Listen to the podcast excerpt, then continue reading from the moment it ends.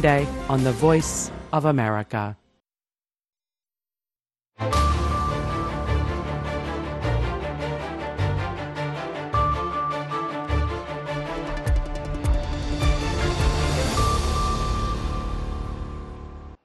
subax wanaagsan dhegeystayaal ku soo dhowaada idaacadda subaxnimo ee laanta af soomaaliga v o a oo idinkaga imaaneysa washington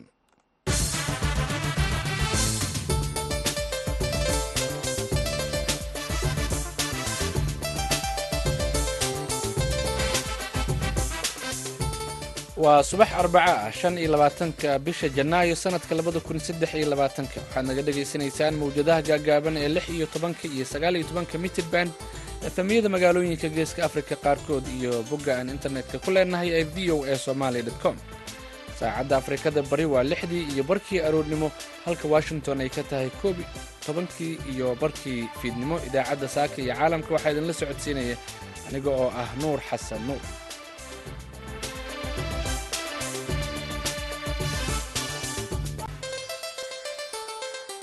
qodobada aad idaacaddeenna saaka iyo caalamka ku maqli doontaan waxaa ka mid ah ciidamada jubbaland oo la wareegay deegaano uu ururka al-shabaab horay uga sugnaa. Haddii ilaahay idmo waxaan ilaahay ka rajaynaynaa laga bilaabo wakhtigan iyo wixii ka dambeeya inay deegaanka uu xor noo ahaado ooy ummaddii ku soo noqoto waxaan leeyahay ummaddii qaxday ee ka tagtay waddanka ee qaxday ee deegaanka duulada kuwii deganaa iyo kuwii beeraha deganaa iyo kuwii joogay haddii la kuran yahay meelaha ee kala qaxayo. Waxaan ugu baaqayaa inay soo noqdaan. Deegaankii waa xor. Cudurka shubanbiyoodka oo dad ku laayay dalka kenya iyo wasaaradda caafimaadka oo dadaal arrintaasi ka wada dowladda jabuuti oo dadaal ugu jirta dabargoynta xanuunka duumada iyo qodobo kale oo ku saabsan soomaalida iyo caalamka ayaan idiin haynaa balse intaas oo dhan waxaa ka soo horreeya warkii caalamka.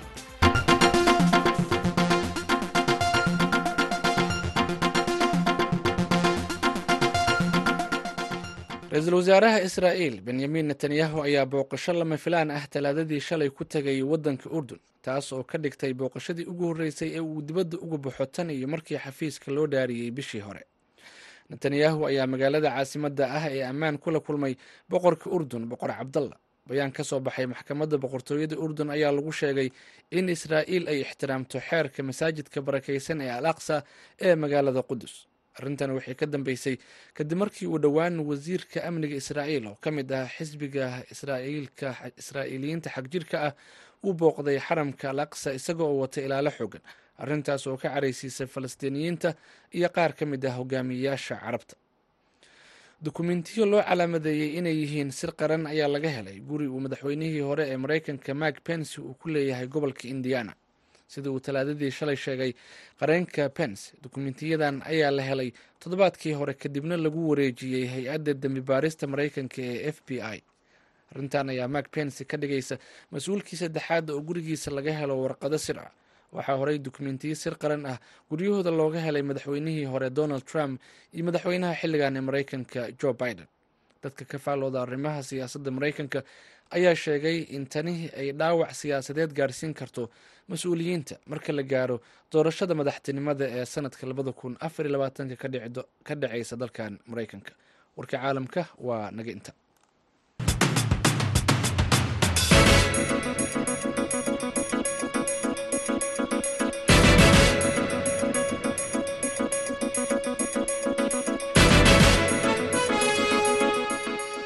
halka warkaasi aad kala socoteen dhegeystayaal waa v o a. Ciidanka jubbaland oo garab ka helaya ciidanka xoogga dalka oo maalmahanina howlgallo ka waday galbeedka magaalada kismaayo ayaa la wareegay deegaano ay horey uga talinayeen maleeshiyada al-shabaab. Faahfaahinta warkan waxaa kismaayo ka soo diray waryaheena aadan maxamed salaad.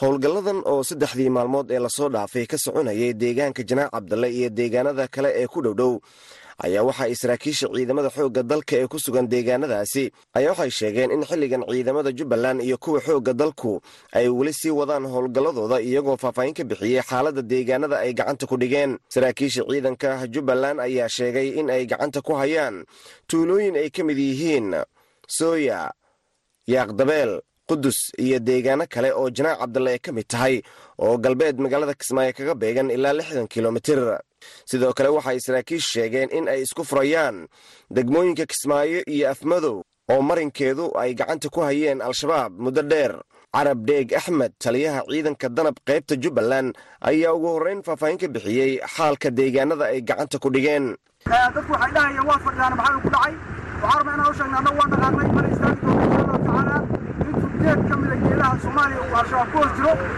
dhammaan ciidamadu waxay joogaan deegaankan iyo deegaanada ku hareeraysan.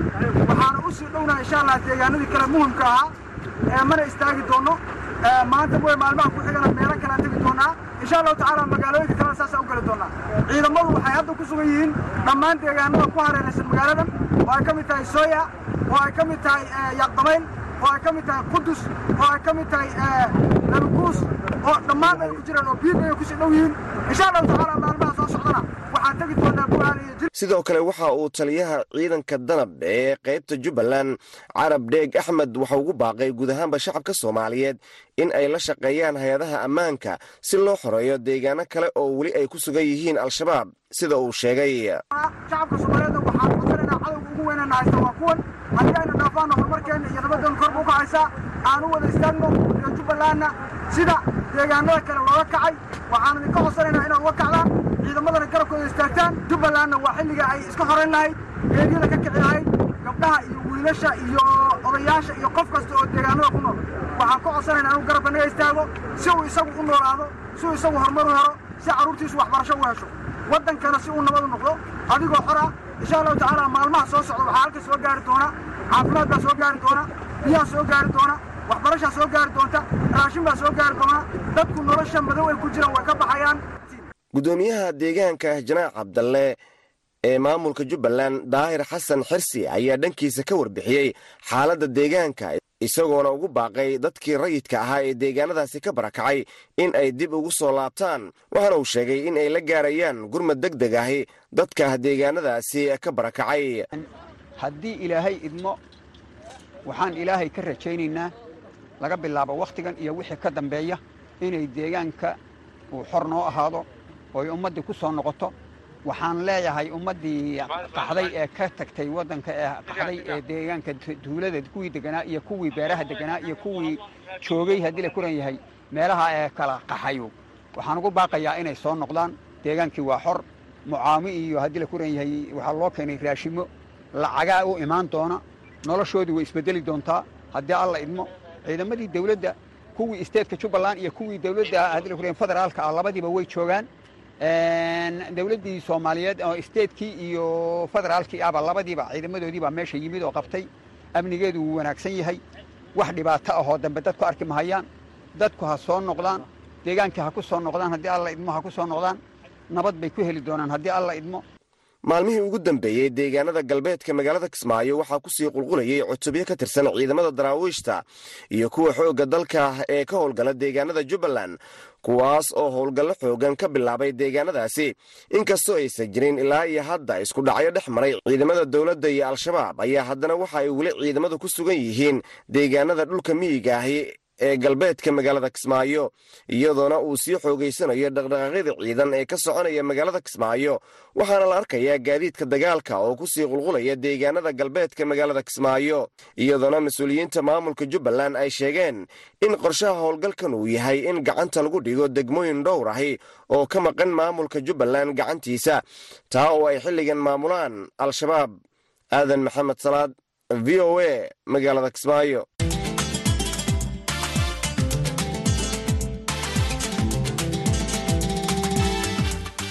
wasaaradda caafimaadka dalka kenya ayaa shalay shaacisay in saddexdii bilood ee la soo dhaafay uu xanuunka shuban biyoodka ku dilay guud ahaan dalka kenya dad gaaraya ilaa iyo siddeed iyo toddobaatan qof.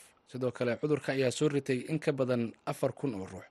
Wasiirka caafimaadka kenya susan wafula ayaa sheegtay in cudurka uu saameeyey in ka badan afar iyo toban maamul goboleed oo ka tirsan dalkaasi kenya. Warbixintan waxaa gaarisa ka soo diray wariyaha v o eda maxamed faarax shire wasiiradda ayaa waxay sheegtay in haatani wasaaradda caafimaadka dalka ay garatay wacyigelin iyo weliba adeeg bixin kala duwan ay ka geysatay qeybaha kala duwan ee haatani. Cudurkaasi daacun cololaha halista uu ku hayo. Waxa ay xariga ka jartay mashruuc loogu talagalay in kor loogu qaado fayadhowrka guud ee dalkani kenya taasoo ay sheegtay in isbeddel uu ku sameyn doono maalimaha soo socda ee heerka cudurka daacun cololaha ugu sii fidaya qeybaha kala duwan ee dalkani kenya. Goobaha sida gaarka cudurkaasi haatan halista ugu haya waxaa ka mid a koonfurta countiga wajeer xeryaha qaxootiga dhadhaab deegaano kala duwan oo dalkani kenya ka mid a oo isku celcelis ilaa iyo afar kun boqol siddeetan iyo lix qof cudurkaasi ku haleelay. Qaarna laga daaweeyey halka qaar kalena ay haatan cudurkaasi loo soo dhigayo goobo kala duwan. Geedi kosaar waa guddoomiye xaafadeedka deegaanka banaane ee koonfurta wajeer. Waxa uu laantaafka soomaaliga ee v o eda oga waramaya dhacdooyin saxiixiyay oo halkaasi ka dhacay ee weliba saameynta cudurkaasi haatani daacuunka uu ku yeeshay deegaankaasi iyadoo maalintii shalay tahayd afar qof oo keliya hal mar oo keliya halkaasi ugu dhimatay cudurka daacun coloolaha. Intii la dadaali kara waa la dadaalay laakiin namaambaha namaamaha kala maqan. Maxaa yeele hadda meeshana lagu dadaalayaa dadaalka meeshan ma taraayo waayo. Dadkii waad aragtiin biyaha hadda maxaa iga hormaatay? Gabar calaacalayso. Xanuunsan. Dad xanuunsanna ka tagtay.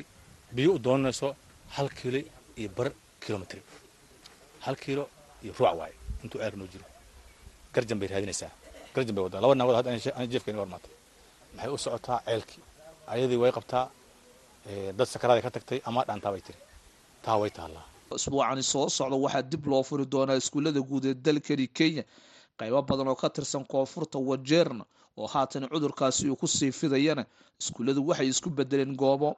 Cudurka daacun cololaha haatan lagu daaweynayo waa kuwan waxgaradka deegaanadaasi kala duwan oo ka waramaya xaaladda haatan halkaasi ku haysato. Meesha la yidhaahaa siriba daraaran jooga aniga. Wiil baan ku soo xabaalay. Meeshaan dhib baan ku arkaayey dhib adduunka looga soo gurmadaan ku arkaa ma aha meel la dhayalsan kara isbitaal male iskuulkii ilmaha waay meesha dadka lagu dabiibihaa meeshaana meel hadda maanta laga jiifi kara ma aha dowladdu waxaan filaynay saacadahan. Dad afar ruuxa meesha ku dhimatay. Afartaa ruux duurkay ku dhimatay meeshan kumay dhimanin laakiin duurkay ku dhinteen. Duurka markay ku dhinteen waa naloo soo gurmay wixii meeshan la keenay. Alxamdulilahi hadda waa badbaaday ku jiraan. Dowladdana waa naloo soo gurmatay laakiin gurmadka iyo biyaha iyo daawada aaday noogu aqan maxaa yeelay daawada markii labadii saddex ruux lagu xiray biyihii waa dhammaadeen baa la dhihi ruuxi asagoo weli aan soo noqonin baa la dhihi biyo ma hala doon haddana biyo aad meeshaas waa isbitaalna ma leh. Dadkii iska kordaatay wuxuu dhex yaalaa iskuulkii bareemarigii ilmaha loogu aqrin lahaa. Iskuulkana saaad ka warqabtiin beri dambe waa la furayaa. Marka arrin aad u adag baa meeshaa ka jirto. Cudurkani ayaa waxaa guud ahaan dalkani kenya lagu sheegay qofkii ugu horreeyey inuu ku dhacay sideedii bishii oktoobar ee sannadkii aynu soo dhaafnay ilaa iyo haatanna si haleel haleela ayuu deegaano kala duwan ugu fidayaa. Inta badan deegaanada haatan cudurkaasi uu ku sii fidayana waxaa ka mid a gobollada inta badan dadka xoolo dhaqatada ay degan yihiin ee fayadhowrka uu hooseeyo iyo weliba deegaanada kale dadka isku raranka ay degan yihiin iyo weliba deegaanada kale dadka barakacayaasha gudaha dalkani kenya iyo xeryaha qaxootiga dhadhaab ay ka mid yihiin. Sidaasi waxaa sheegtay wasaaradda caafimaadka oo haatan sheegtay in ilgaar ay ku qabanayso dhammaan deegaanadaasi tacaalna ka sameynayso maxamed farax shire v o a garisa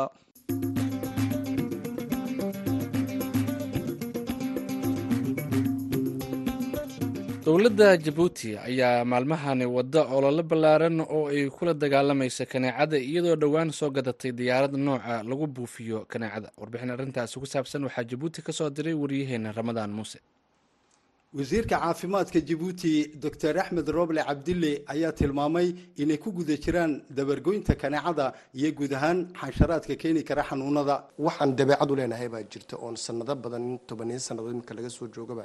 Aan samayno markuu roobku do-o dadkeenu way iska yaqaanaan waxaa dhasha kaneeco badan deqsi badan iyo xansharaad badan baa yaa dhasha xansharaadkaasi wuxuu u keenaa xanuuno badan buu keenaa ay kaneecadu ka mid tahay shukungunya uu ka mid yahay griibku ay ka mid tahay maxaa la yidhahdaa daangu ay ka mid tahay.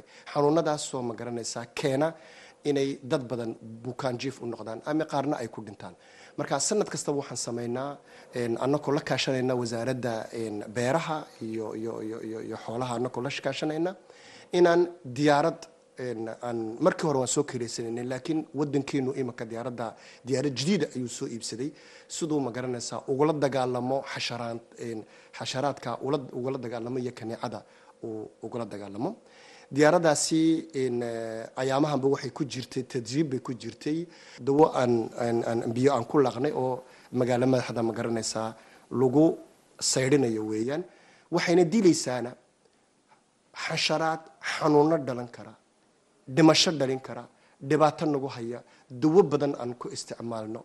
Sanadkii waxaan qadarnay imika sanadkiina soo dhaaftay waxaan qadarnay oon markaan xisaabinay afar iyo lixdan kun oo qof ayaa laga helay kanicadaas ayaa laga helay. Sanad sannadkii ka soo dambeysa saaad ogtihiin xanuunadaasi waa xanuuno iska sii badanaya weeyaan.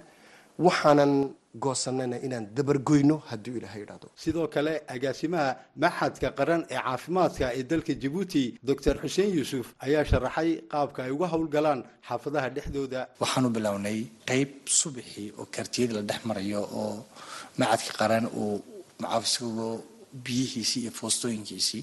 Waa saddex dawo kala nooc waxaan isticmaalno. Saddexdaasoo dawooyinkaasi guryaha lagu shubayo iyo dadkani gacanta ku qaadaya ayna dhib u lahayn iyaka caafimaadkooga caruurtoodii. Waxaan shicweynaan kulen markaad ku shubtiin isla markaaba daboola. Kow talabaadee aanu bilownay waxa weeyaan boofistii. Boofistiiyo ah baabuur gara marayso dekadaha iyo dooyada waaweyn ma maraysa guryaha ma soo galaan. Marka dhibaatooyinka waxa weeyaan ligligada ama weecadada ama hilinka loogu talagalay dowga sida hawada ay u socoto ayaan u buufinaa taasoo mowqifkaygu ay tahay hataa wixii kaniic duulaysoo dhan inay dejiso. Tii kale guryaha waa la waxeeyey kaniicdii guryaha loo diiday inay joogsato waxaan shicweynaha ku leenahay inay dawada isticmaalaan hadday wax iska sheekeyaan dhakhtarada tagaan inay mara kaniicada ku seexdaan inay guryaha afarta ilaa tobanka habeenimo waqtiyada kaniicadu indoorka inhousinka ay soo gasho guryaha waqtigana inay albaabada la xiraan. Dhinac kale dowladda jabuuti ayaa sii ballaadhisay dagaalka ay ku hayso kaneecada iyadoo dhowaan la soo gebagabeeyey shir loogu howlgelayo xagga shaybaadhka tirtirida nooca dhidig ee kaneecada. Doctor cabdulilaah cabdi axmed oo ah khabiir xagga caafimaadka isagoo ah la taliyaha arrimaha caafimaadka madaxweynaha jabuuti oo ka mid a qabanqaabiyaashii shirkaasi ayaa ka waramay dulucda howlahan cusub oo casriya oonu anagu soo bandhignay oonu qolo ingiriis oo la idhahdo oxiteg aanu kala shaqaynayno maxay ku saabsan tahay technolojigaasi waxa weeyaan inaa tafiirka maxaan ku dhaha kaneecada in la dhabargooyo. Inaad ogsoon tahay mooyaane kaneecada waxaad dadka mataqaana ay kaneecada ka qaadaan waxa weeyaan lab iyo dhidig bay u kala kacdaa moogta waa dhidig waxa kaneecada laga qaada marka la tafiirgoynayo waxay ka dhigan tahay waxaan falowgeed qabanaynaa sidii marka ay tafiirmayso ayna dhidigba u dhalaan oo mid laba una ay dhalato. Marka labtu tii dadka qaniinayse xanuunka laga qaadaya maaha. Marka mashruucani waxaanu filaynaa haddii ilahay dhahdo inuu jabuuti laga qabaqaabiyo oo xaggaa ka fidino oo waxtar weyn u yeesho geeska afrika iyo afrika dhammaanteed ba haddii ilahay dhahdo rabadaan muuse jaamac v o a jibuuti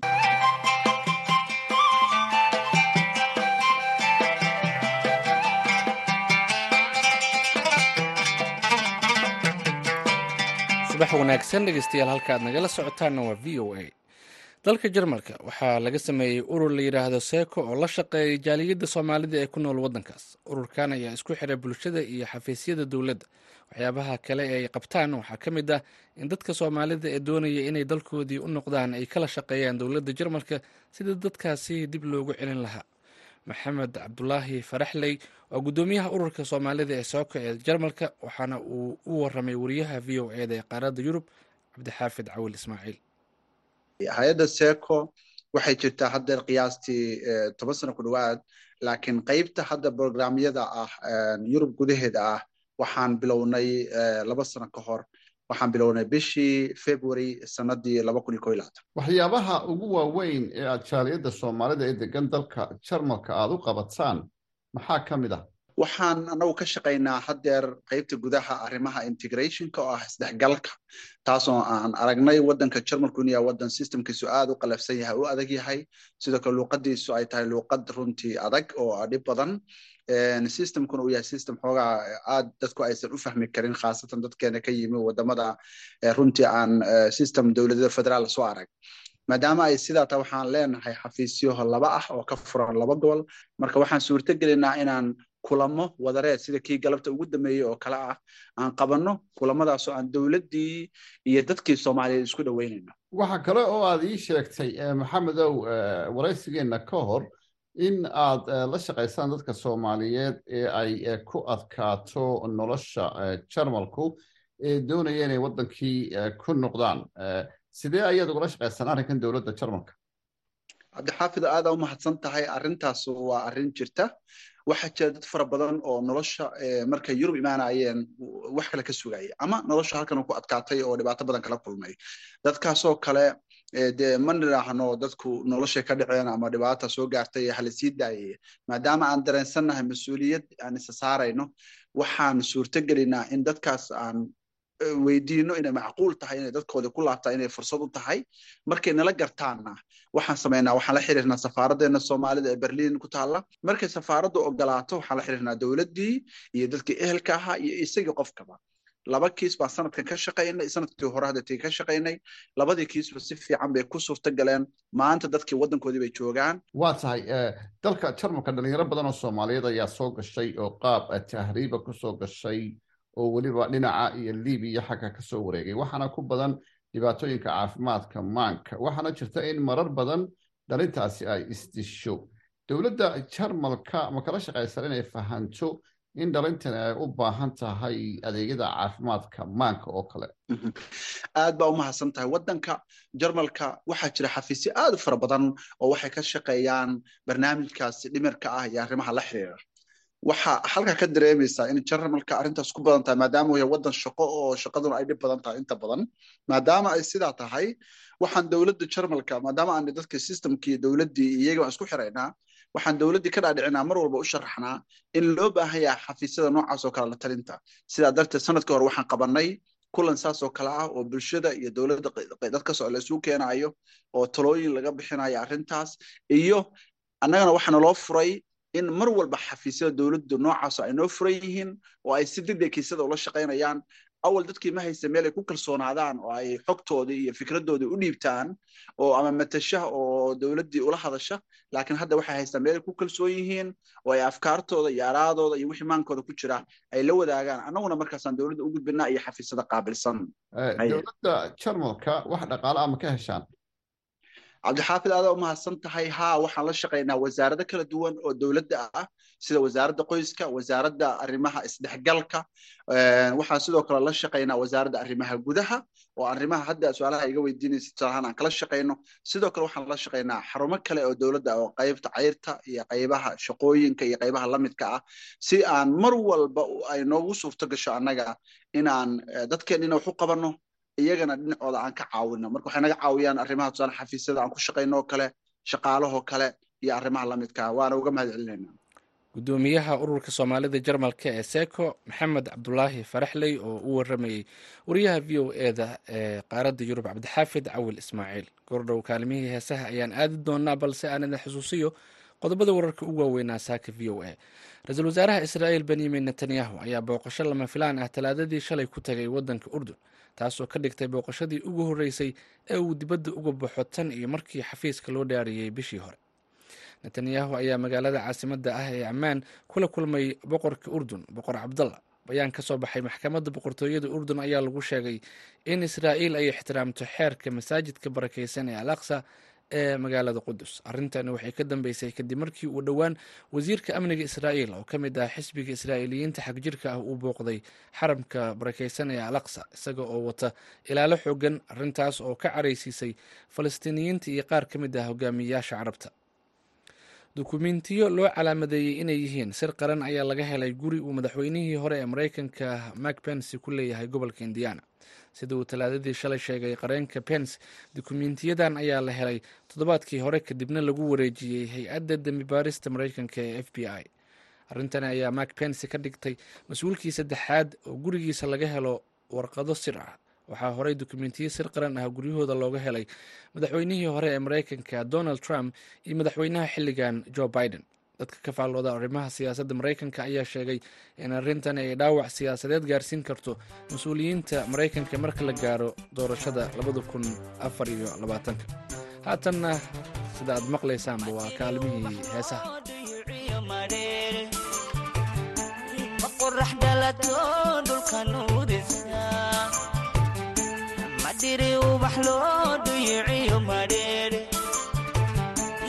qorax dhalato dhulka nuurisa dhayigiyo windhugu windhugu way ku dhaygaga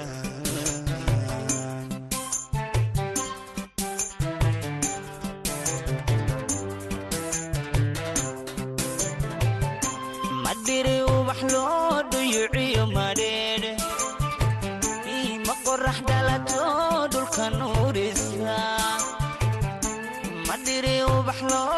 loo dhuyiciyo madheer ma qorax dhalato dhulka nuurisa dhayigiyo windhugu ku dhaygaga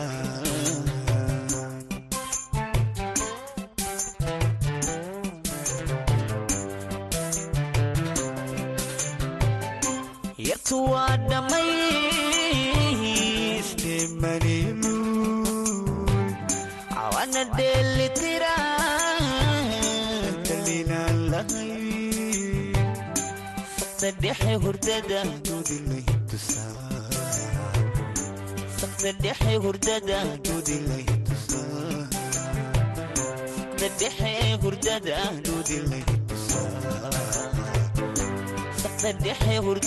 Dudilay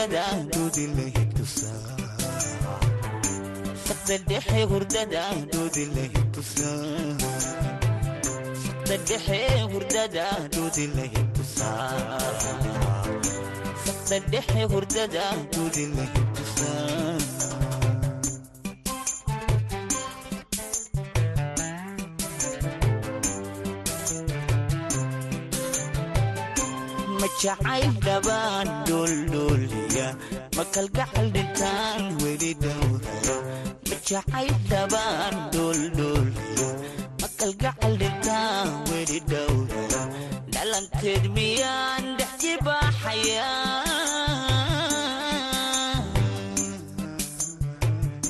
mise waaba dhoran dhugashiyo xasuus mise waaba dhoran dhugashiyo xasuus